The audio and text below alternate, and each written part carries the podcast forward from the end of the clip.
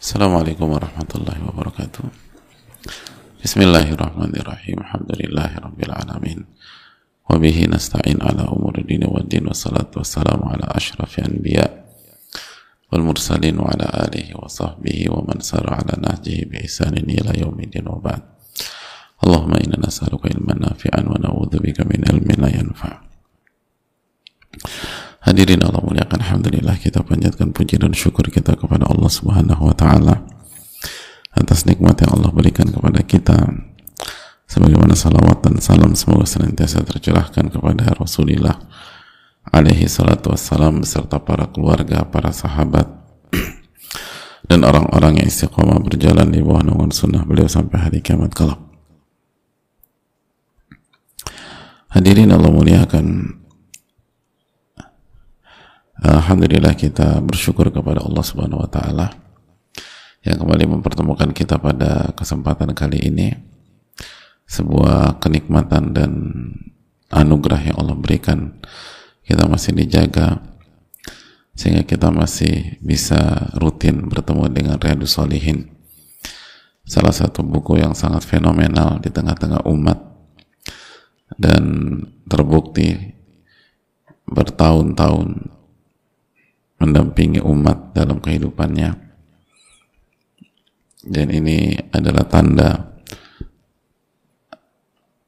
penjagaan Allah Subhanahu wa taala kepada Al-Imam An-Nawawi rahimahullahu taala. Tanda penjagaan Allah Subhanahu wa taala kepada Al-Imam An-Nawawi rahimahullahu taala. Oleh karena itu uh, marilah kita bersyukur kita bisa diberikan kesempatan untuk belajar dan mengkaji kitab ini. Kita diberikan kesempatan untuk uh, berinteraksi dengan kitab ini. Dan semoga Allah memberikan kita ilmu nafi. Dan semoga Allah SWT merahmati Imam Nawawi rahimahullah dan para ulama kita dan semoga Allah terima amal ibadah kita. Amin ya rabbal alamin. Hadirin Allah muliakan.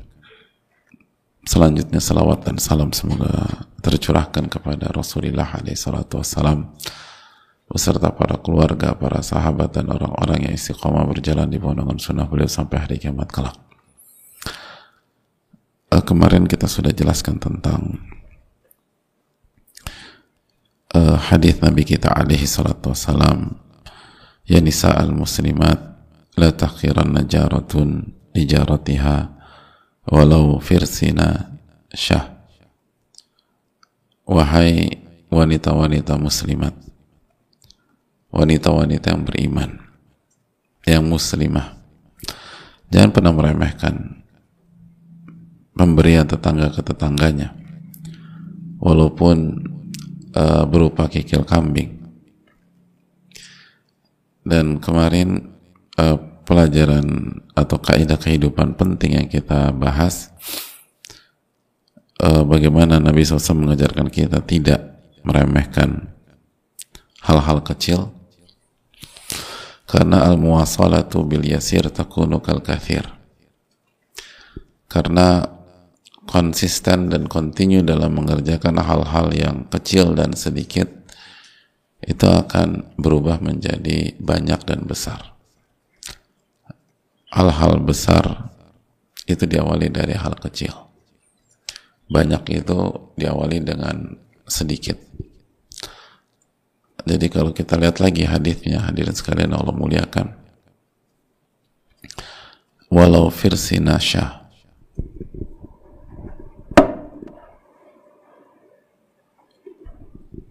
walaupun uh, berupa kikil kambing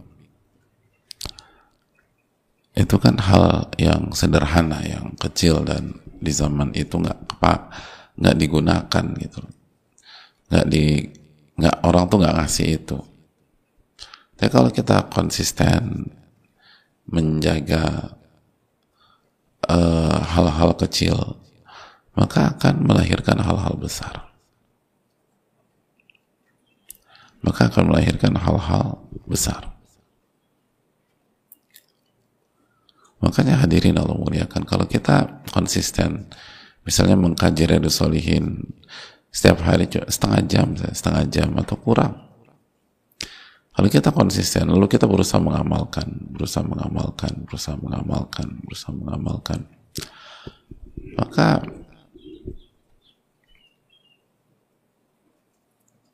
hal ini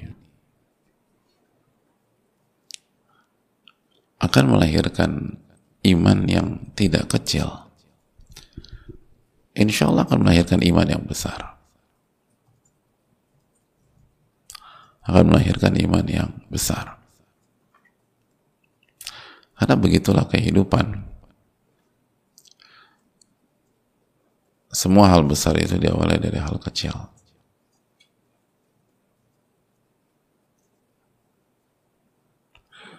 Semua hal besar itu diawali dari hal-hal kecil.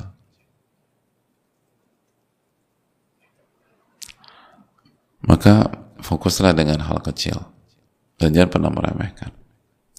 Maka kita akan mendapatkan hal besar biidzillahi ta'ala.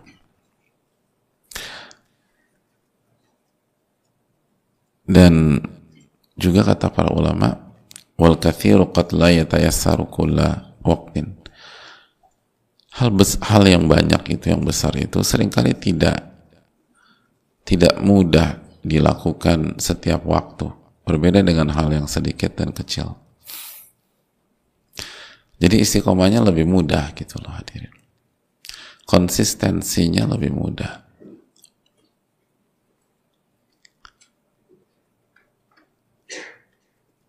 Dan konsistensi itu penting ya maka kalau ingin konsisten, ya mulai dari hal-hal kecil. Dan hargai hal-hal kecil. Karena kalau hal-hal besar itu sulit. Dilakukan setiap waktu. Hal yang banyak itu sulit dilakukan setiap waktu. Dan ini bukan hanya pemberian.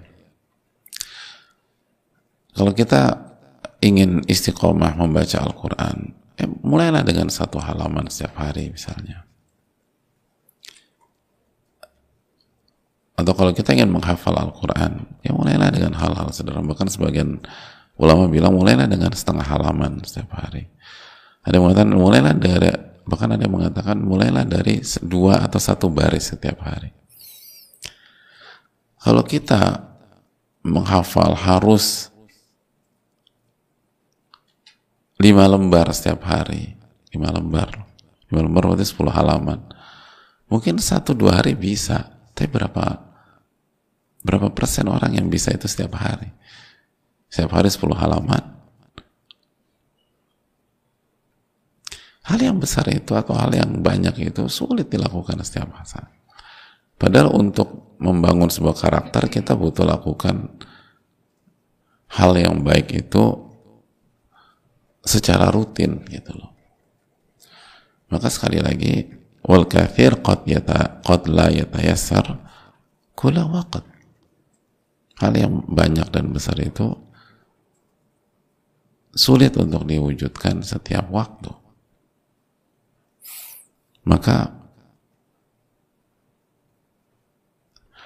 fokuslah dengan hal-hal yang sederhana tapi impactful karena dilakukan setiap saat hal yang dianggap sederhana tapi dampaknya itu luar biasa. Karena rutin rutin rutin rutin rutin. Gitu. Makanya kan seperti Riyadus Solihin ini paling kita kajian berapa lama sih? Pernah kita kajian dua jam? Nggak pernah dua jam. Satu jam setengah juga alhamdulillah enggak rata-rata kita setengah jam setengah jam lebih. Kadang-kadang kurang dari setengah jam. Hadirin Allah muliakan. Karena nggak usah lama-lama yang setiap hari ini. Tapi rutin rutin rutin rutin. Lalu itu kan memudahkan kita untuk mengamalkan memudahkan kita untuk mengamalkannya. Makanya Nabi kita alaihi salatu wassalam mengatakan apa? ahabul a'mali ilallah adwamuha wa inqal amalan yang paling dicintai oleh Allah adalah yang paling konsisten paling kontinu walaupun sedikit walaupun sedikit paling konsisten paling kontinu walaupun sedikit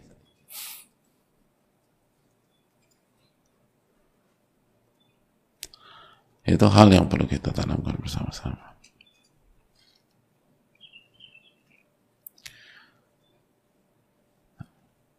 Allah taala alam bisawab. Hadirin Allah muliakan. Uh, kita akan masuk ke hadis berikutnya. Kembali hadis Abu Hurairah. Yang dibawakan Imam Nawawi dan hadis ini diriwayatkan Bukhari dan Muslim. Mari kita masuk ke hadis tersebut. Semoga Allah memberikan pertolongan kepada kita. Amin. Al-Imam An-Nawawi rahimahullah ta'ala rahmatan wasi'ah. Semoga Allah merahmati beliau, keluarga beliau, orang tua beliau, dan guru-guru beliau, dan seluruh ulama dan kaum muslimin di mana pun berada. Wa anhu, dan dari Abu Hurairah. Ana Rasulullah sallallahu alaihi wasallam qal. Bahwa Rasulullah sallallahu alaihi wasallam bersabda, la yamna'u jarun jarahu an yagriza khashabatan fi jidari janganlah seorang tetangga melarang tetangganya menancapkan satu batang kayu di temboknya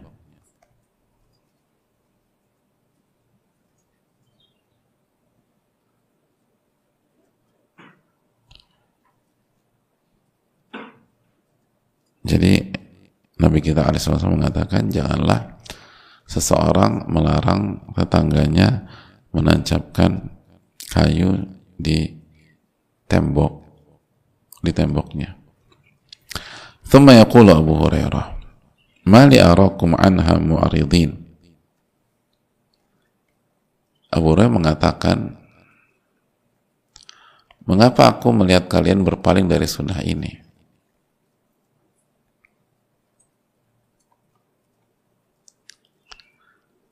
Kok nggak dikerjakan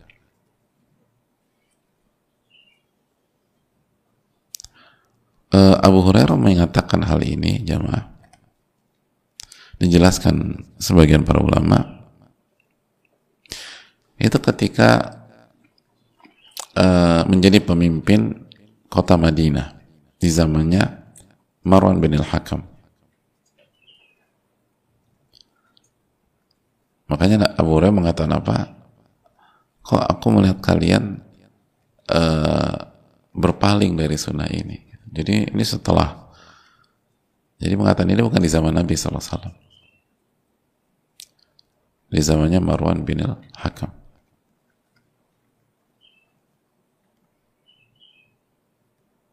Nah hadirin Allah muliakan Wallahi la armiyan baina aktafikum Demi Allah aku akan uh, melemparkan sunnah ini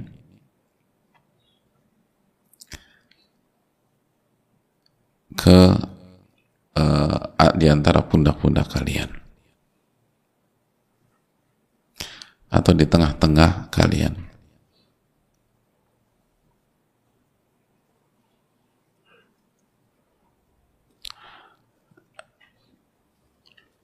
Nah, uh, hadirin Allah muliakan.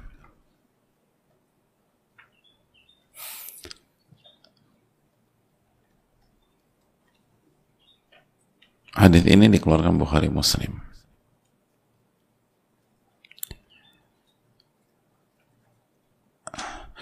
Jadi maksudnya adalah apabila tetangga ingin uh, menancapkan kayu di uh, temboknya. Untuk apa? Untuk kepentingan atap rumah. Atau yang berkaitan dengan uh, kepentingan rumahnya. It, maka anda itu nggak boleh melarang dia melakukan itu karena meletakkan kayu itu di tembok itu tidak mengganggu. Masa dilakukan secara tepat ya itu nggak ganggu. Layadur dan nggak merusak. Bal yaziduhu quwwah. Bahkan menambah kekuatan dari tembok.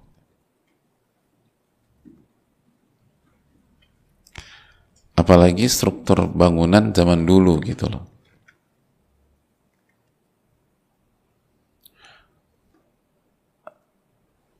bisa misalnya mencegah apa menguatkan tembok tembok zaman dulu ya di zaman itu. Uh, khususnya ketika ada hujan gitu. Loh ada angin. Maka tetangganya itu nggak boleh melarang dia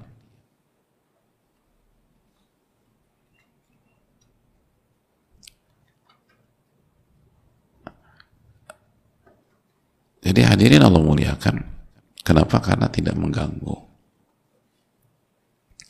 karena tidak mengganggu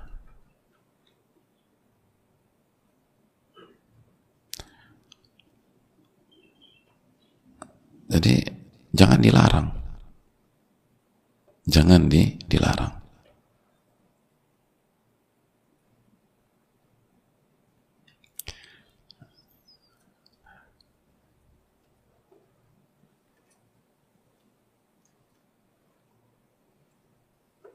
Hadirin Allah muliakan.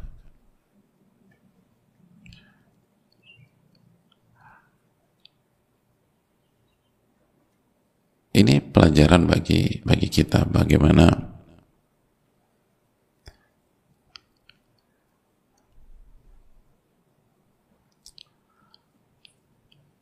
Islam mengatur sampai sejauh itu. Islam mengatur sampai sejauh itu. Dan para ulama mengatakan ini dalil tentang saling tolong menolong di antara tetangga.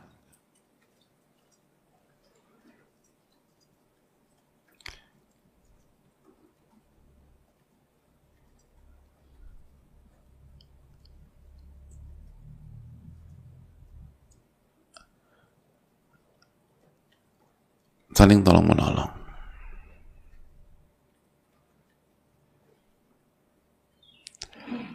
Nah, Eh, dan jangan dilarang selama itu hal-hal yang ditoleransikan. Apalagi secara urf. Karena dijelaskan sebagian para ulama dulu itu karena kondisi itu tuh biasa. Naruh tong apa kayu begitu. Itu salah satu yang uh, yatasamah bihi wa yatasahalu itu salah satu hal yang ditoleransikan nggak apa-apa. Dan di inilah dimengerti ya dipermudahkan gitu loh. Dipermudahkan. Makanya para ulama mengatakan hadis ini menunjukkan bahwa seseorang tuh harus lemah lembut sama tetangganya. Dan berusaha memfasiliti apa nggak nggak nggak terlalu ketat gitu loh ngadepin tetangga. Harus berakhlak mulia gitu loh. Jadi sama tetangga tuh di jangan pakai standar yang benar-benar ketat gitu. Ya kalau selama yang dilakukan nggak memudaratkan dan seterusnya. Bermanfaat dan kita ini kasih aja karena nanti kita juga begitu juga namanya juga kehidupan siapa orang bisa selalu main di standar yang sangat ketat dan tinggi Jadi dimudahkan.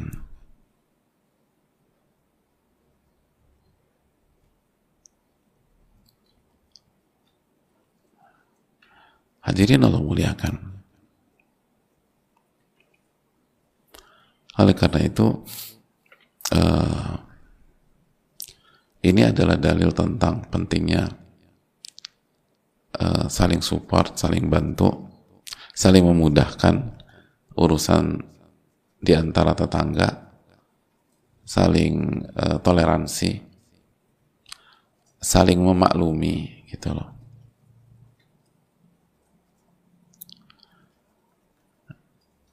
Dan selama nggak mengganggu, selama nggak merugikan,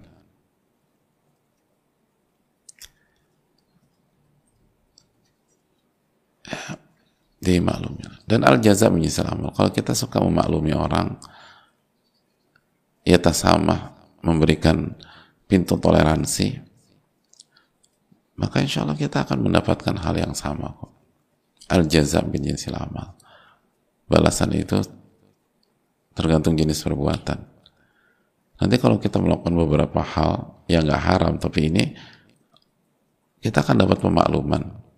Oh iya, iya karena kita memudahkan orang. Kalau kita mudahkan orang, Allah akan mudahkan kita. Kalau kita bantu orang, Allah akan bantu kita. Apalagi tetangga. Gitu.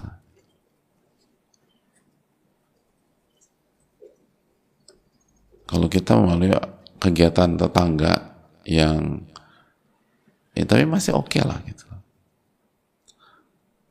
Nanti Allah akan mudahkan urusan kita akan bantu kita akan memudahkan kita.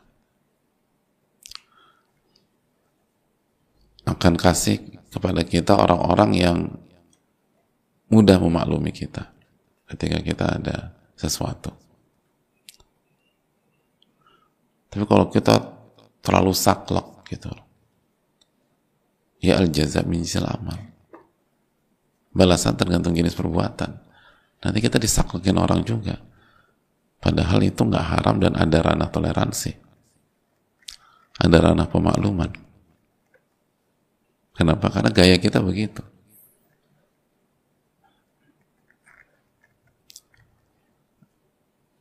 Jadi hadirin Allah muliakan.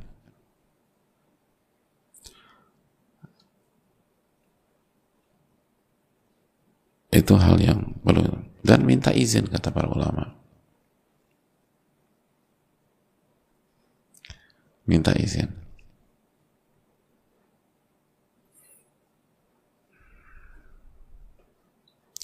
Makanya ulama kita mengatakan seperti dijelaskan ulama Malikiyah Syafi'iyah dan Hanabilah bahwa seseorang itu tidak boleh memanfaatkan tembok atau dinding tetangganya kecuali dengan izin.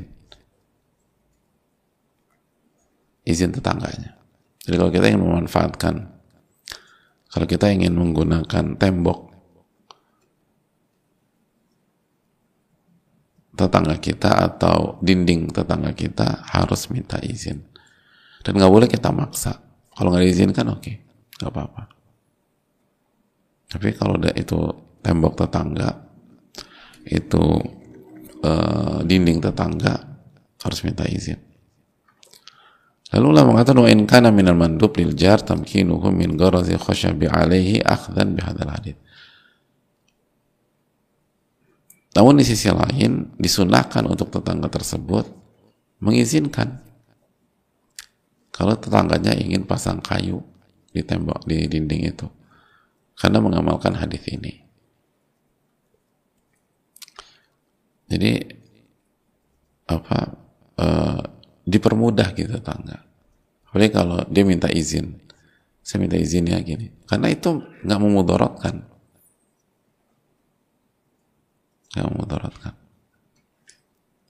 Justru membantu, lebih ngejaga itu itu apa, itu dinding dan seterusnya. Sekali lagi khususnya di uh, apa struktur pada pada pada waktu itu. Tapi intinya demikianlah artinya uh, kalau kita ingin menggunakan dinding atau mengerjakan di dinding tetangga atau tembok tetangga minta izin dulu. Minta izin. Dan bagi tetangganya mudahkan. Uh, sesuatu hal yang bisa ditoleransikan toleransikan. Yang bisa dimaklumi ya maklumi ya nggak apa-apa. Silakan kok silakan. Nanti Allah akan mudahkan kita. Allah akan bantu kita dan Allah akan uh, kasih orang-orang yang bersama kita itu orang-orang yang punya ilmu uh, ilmu apa ini? Ilmu kudu kudu maklum. Nah itu. Ilmu kudu ini tuh jarang sudah susah di padahal penting tuh. Pen, salah satu ilmu yang penting di pergaulan ilmu kudu maklum. Udah maklumin aja.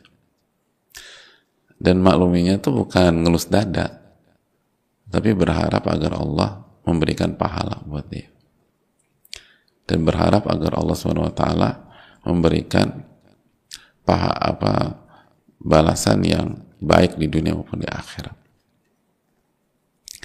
Jadi intinya eh, dalam dalam kehidupan rumah tangga, eh, rumah tangga, kehidupan bertetangga, selama masih kita masih bisa dimaklumi, selama masih bisa ditoleransikan, selama masih bisa dibantu, dimudahkan aksesnya dan seterusnya, udah mudahkan tetangga. Gitu. Dimaklumin. Tetangga punya acara jadi ini maklumin. Kayak nanti kita juga punya acara. Kita bisa ngerti emang nggak mudah apalagi kalau di lingkungan padat. Garasi kita kosong, kalau mau parkir mobil di garasi saya aja. Gitu. Silakan masuk ke rumah. Gitu. Kalau mau sekalian sama kuncinya BPKB segala macam oh, itu ngambil mobil orang. Jadi kadang-kadang kan kita orang tetangga kesulitan nyari tempat-tempat kepada rumah kita kosong tuh. Oh keamanan kan bisa dikoordinasikan jadi jangan terlalu saklek gitu masa dia begini masa Ya namanya kata kan iman tuh makanya. Man kana yu'minu billahi wal yawmil akhir falyukrim jarahu. Orang siapa yang beriman kepada Allah kepada Allah dan hari akhir maka hendaknya dia memuliakan tetangganya. Ini hal yang perlu kita renungkan hadirin. Saya rasa cukup sampai di sini. Semoga memberikan taufiknya kepada kita. Wassalamualaikum warahmatullahi wabarakatuh. Rabbana taqabbal minna subhanaka la ilaha illa anta astaghfiruka wa atubu ilaik. Assalamualaikum warahmatullahi wabarakatuh. Syukran.